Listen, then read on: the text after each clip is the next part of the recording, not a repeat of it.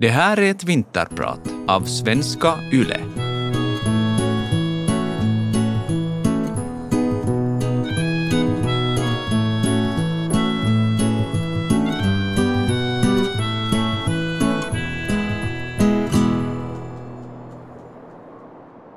För ganska exakt sex år sedan föddes vår dotter, vårt tredje barn. Här är meddelandet skickade mina kompisar några dagar efter att hon föddes, den 20 december 2013. Vi fick en dotter på måndagen. Hon mådde inte bra och vi var rädda att förlora henne.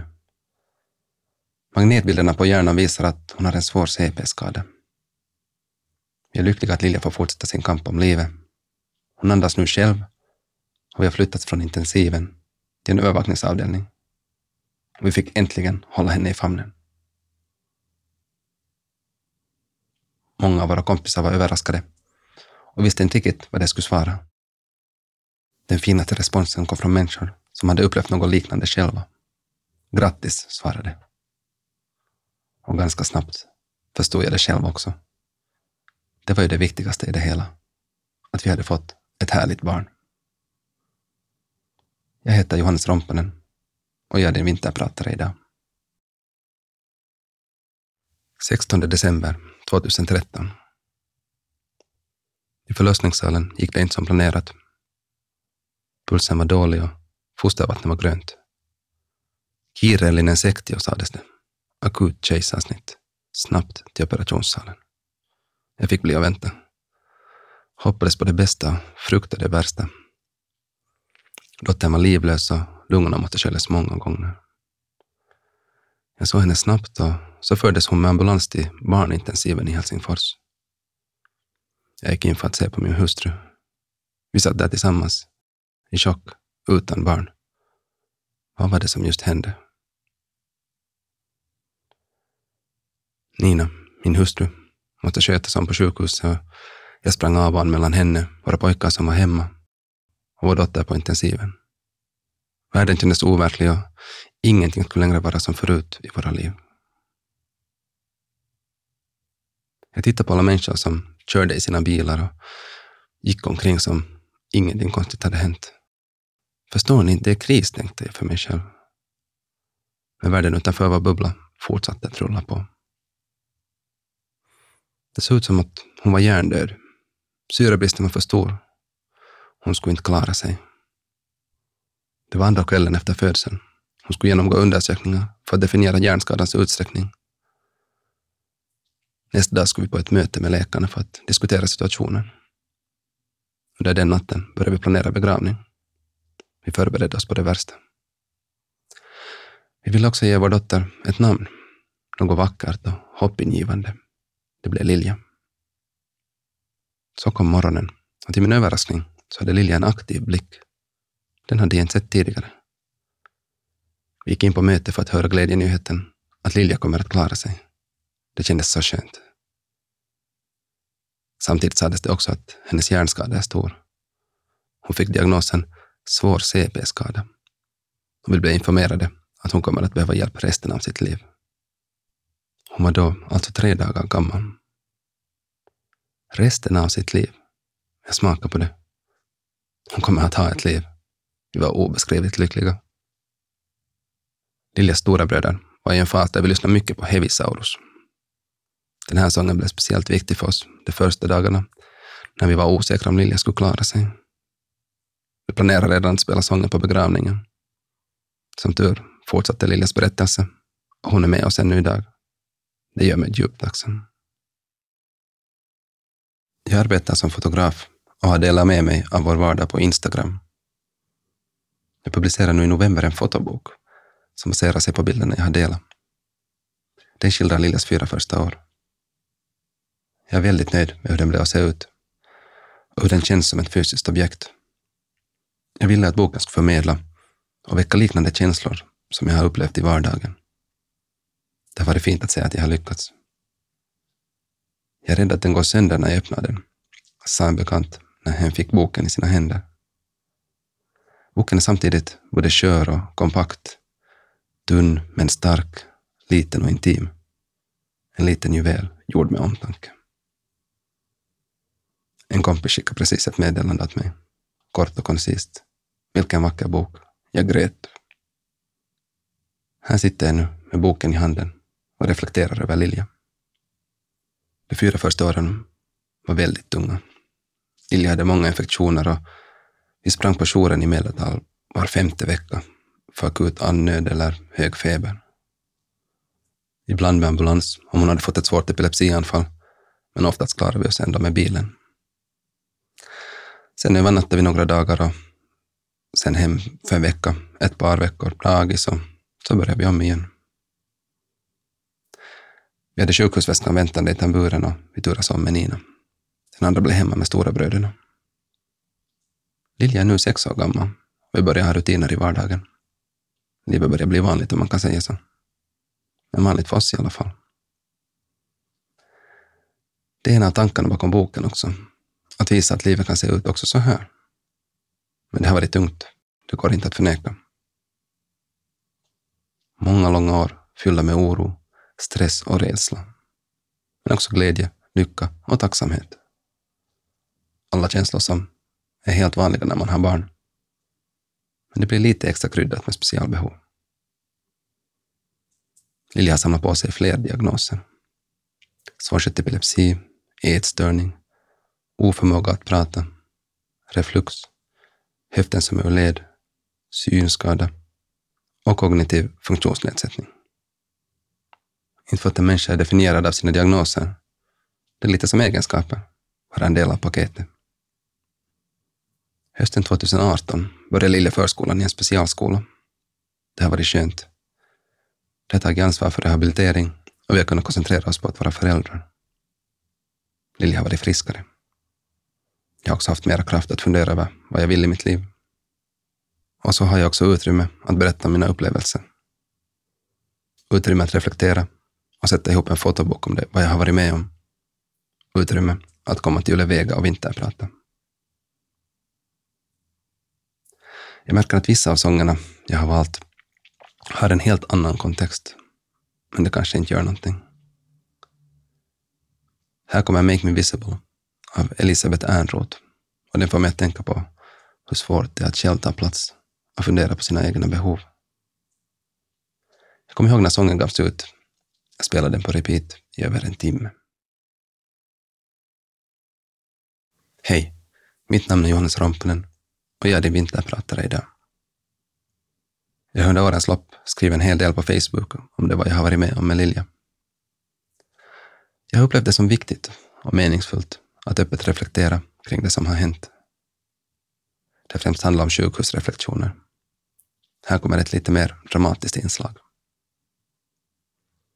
15 augusti 2016. Det får mig att fundera.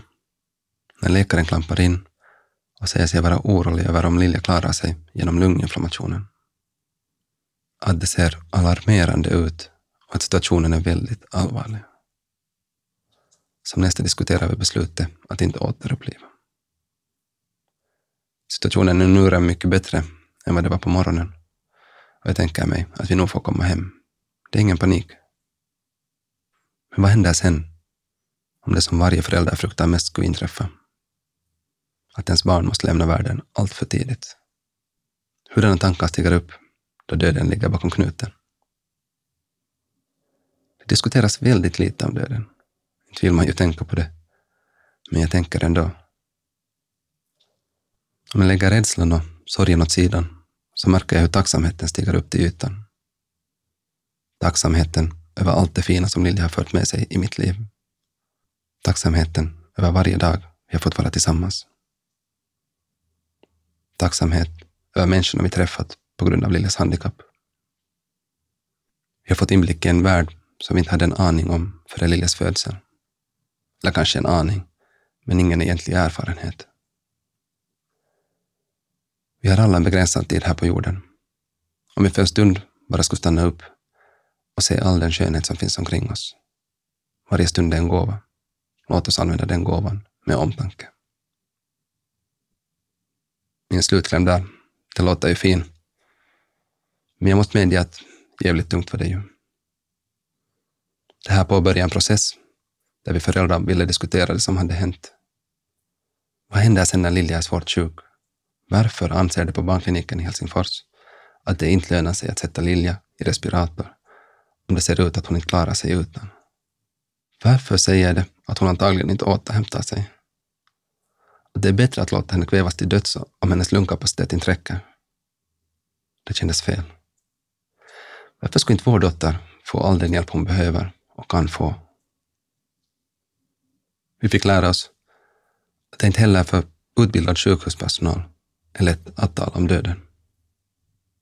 Till sist, efter många om och men, fick vi in ett möte med överläkaren. Vi fick det inskrivet i Liljas papper, att hon skulle få den vård och hjälp hon behöver. Det här är en sång som jag med jämna mellanrum kommer tillbaka till. Om jag har det jobbigt så vet jag att jag inte är ensam. I Småland har det också tungt.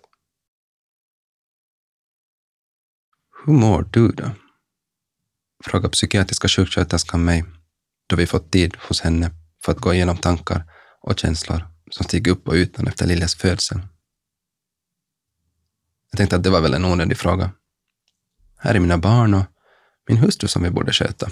Jag klarar mig nog.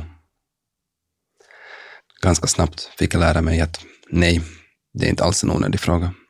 Tvärtom är den väldigt relevant. Det är en rätt så vägledande fråga och svaret i den frågan handleder mig till hur jag borde ordna min vardag i den mån som det är möjligt. Den frågan har till exempel lett till att vi båda med Nina jobbar deltid. Det var en lösning som uppstod på grund av de många sjukhusbesöken. Vi måste helt enkelt ruta in veckan så att vi har ansvar för olika dagar om det så behövs. Nina sköter måndag och fredag. Jag sköter tisdag, onsdag och torsdag. Som tur är har vi hållits borta från sjukhuset långt över ett år nu. Men trött blir man ju. Trötthet och utmattning är ett tema som är starkt närvarande i vår vardag. Och arg och frustrerad har jag också varit. Ledsen över att mitt gamla professionella liv som fotograf runnit ut i sanden kändes det stundvis som. Speciellt ångestfylld var jag då vi kom hem efter långa sjukhusvistelser. Det kändes som en hopplös kombination att både arbeta med ett yrke som kräver en kreativ insats och att sköta om sitt svårt sjuka barn. Jag funderar allvarligt på att sluta mitt jobb som fotograf och istället skola om mig till något som Lilja skulle ha nytta av. Fysioterapeut, ergoterapeut, talterapeut, helst allting på en gång. Jag kände mig så hjälplös och otillräcklig. Efter att ha bollat tankarna kom jag fram till att kanske Lilja ändå drar mest nytta av en pappa som trivs i sitt jobb. Så jag skippade mina terapeuttankar och bestämde mig för att lägga fokus på att vara pappa istället. En lycklig pappa. Allt fixar sig. We shall overcome. Vad har Lille lärt mig? Det var en fråga som ställdes till mig för kanske ett år sedan. En väldigt bra fråga. En fråga som jag inte riktigt har ett uttömmande svar på. Livet har onekligen förändrats efter att Lilja föddes. Livet är annorlunda på många sätt, men vad har erfarenheten lärt mig? Det är svårt att sätta ord på det. Jag ser omgivningen med nya ögon har jag märkt. Funderar om jag kan komma in på ställen med rullstol och så blir jag arg över dåliga inva lösningar Du kan tänka dig hur det är att gå på toa på en skidort med all utrustning och vagn och snö och sen finns det inte en enda inva-WC. Då gäller det att vara kreativ.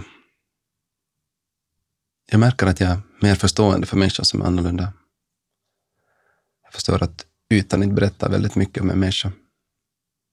En svår CP-skada betyder till exempel inte nedsatt kognitiv förmåga. Det att du inte kan prata betyder inte att du inte skulle ha något att säga. Vi tar det en gång till. Jag tycker det är en bra tanke som det lönar sig att låta sjunka in ordentligt. Det att du inte kan prata betyder inte att du inte skulle ha något att säga. Det kräver tålamod och extra mycket vilja att lyssna då ens kommunikationspartner inte kommunicerar traditionellt med tydligt prat. Det är inte heller min sak att definiera någon annans livskvalitet.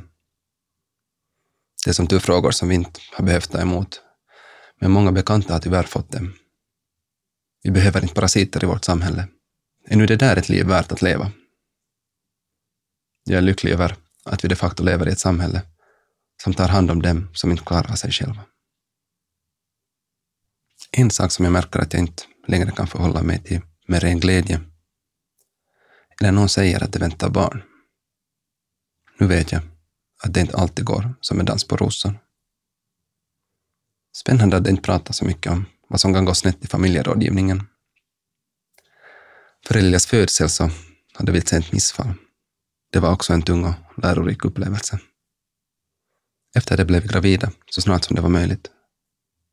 Vi väntade bara på att få leva ett lugnt småbarnsliv igen. Det gick lite annorlunda än vi hade tänkt oss. Lilja har två storebröder. Emil, som är fem år äldre, och Kasper, som är tre år äldre. Kasper och Lilja har faktiskt födelsedag på precis samma dag. För pojkarna så är Lilja främst en lilla syster. En lilla syster som man kan bråka och busa med. En lilla syster som man kan mysa i soffan med när man ser på film. Jag medger att jag ibland blir sorgsen över det som har hänt. Över det som Lilja går miste om på grund av sitt handikapp. När jag ser flickor i samma ålder så kryper tankarna ibland fram. Vad om Lilja skulle ha kommit en vecka tidigare? Då skulle hon ha klarat sig utan syrebrist. Då påminner jag mig själv om att denna sorg är min. Det är inte Liljas sorg. Hon njuter av livet som det är. Hon lever det till fullo. Jag kommer ihåg en gång när hon var bebis och pojkarna funderade över hurdan cykel Lilja skulle cykla med när hon blir större. Vi vuxna konstaterar med gråten i halsen att Lilja nog knappast kommer att cykla själv. Pojkarna tog det med en axelryckning och sa okej, okay, men då knuffar vi henne då. Och så är det ju nu. Det bråkar om vem som får knuffa henne i rullstolen. Och det åker fort. Lilja njuter och föräldrarna hoppas att hon inte ska falla och stöta sig. Här sitter jag igen med min bok med bilder på Lilja. Bläddrar i den och funderar över åren som gått. Vi ska precis bli klara med renoveringen av vårt hem. En väldigt tung process i sig. Det att Lilja haft det lite lättare under de senaste två åren har gjort det möjligt för oss att ta tag i stora energikrävande projekt som att renovera och bygga ett fungerande hem för oss. Att bygga en toalett och ett badrum som Lilja ryms i med sina hjälpmedel. Att ha ett kök där Lilja kan vara delaktig och ett matbord där Lilja ryms att sitta var som helst. Saker som vi tar för givet, som inte plötsligt är självklara mera, då man sitter i rullstol. Ett helt eget kapitel för sig är striderna med kommunen. Vi fick inte understödet som enligt lag borde vara en självklarhet. Vi tog saken till förvaltningsdomstolen. Det var på vår sida och nu väntar vi på att kommunen ska behandla saken på nytt. Vi behöver ett fungerande hem. Men framför allt behöver Lilja ett fungerande hem. Vi tog ett banklån och hoppas att det ordnar sig. Vi hoppas att det ordnar sig. Det är nog ett överhängande tema i vår vardag. Vi hoppas att det ordnar sig. Vi gör vad vi kan och så hoppas vi att paketet håller ihop på något sätt. Det hade ju nog gjort, än så länge. Det är mycket att ta i. Mycket som händer hela tiden. Det är ju helt normalt i en fempersoners familj. Lägger man till ett barn med specialbehov i soppan så ger det ännu lite extra krydda i vardagen. Det är ett utmanande pussel att räcka till för alla. Att finnas där för barnen. Att upprätthålla en parrelation. Och att ta hand om sig själv. Jag skulle ändå säga att vi klarar det just på grund av att vi är tillsammans. Att vi är två som står i stormen och stöder varandra, stöttar varandra turvis. Vi är där för varandra. Fast vi inte alltid orkar prata, så finns närheten och medvetenheten om att den andra är där. Sköter rempa grejer, svarar på Vilma meddelanden, ser till att vardagen rullar på.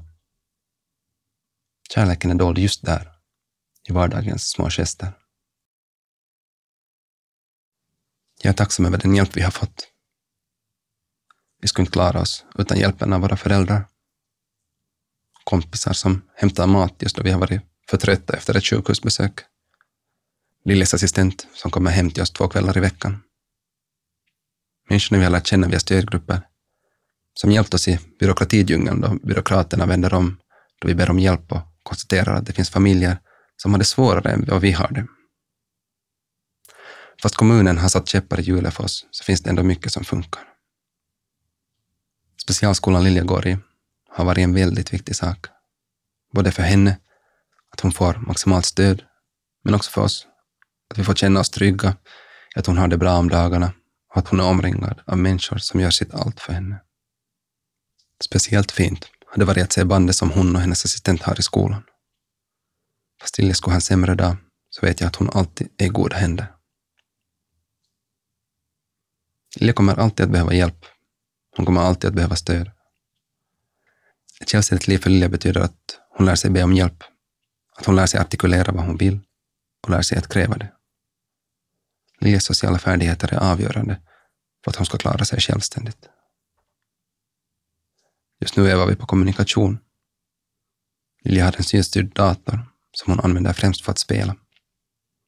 Tanken är att det kunde utvecklas till ett kommunikationsverktyg för henne. Lilja gör för tillfället val och svarar med blicken på jo, nej och enkla frågor. Varför vill jag då dela med mig av mina upplevelser? Vad får jag ut av att komma till radio och prata om det som har varit svårt? Jag vill synliggöra att en vardag kan se ut också så här. Alla våra liv är olika och det finns så mycket som händer bakom kulisserna. Speciellt då man ser på sociala medier. Den glansbild som utspelas där är sällan förankrad i verkligheten. Eller verkligheten består åtminstone av så många fler nyanser. Det är den här mångfalden jag vill bidra till, visa komplexiteten av människolivet. Och det har jag fått lära mig. Det att jag är öppen och sårbar inbjuder samtidigt andra, både bekanta och okända, att dela med sig av det som de varit med om. Öppenhet skapar öppenhet. Någonting som vi i denna tid inte har för mycket av. Det här var dagens vinterprat. Mitt namn är Johannes Rompanen. Om ögonvrån inte är fuktiga ännu så brukar den här sången åtminstone göra tricket för mig. Här kommer Mästare Piros av Egotrippi. Tack för att jag fått vara med er idag.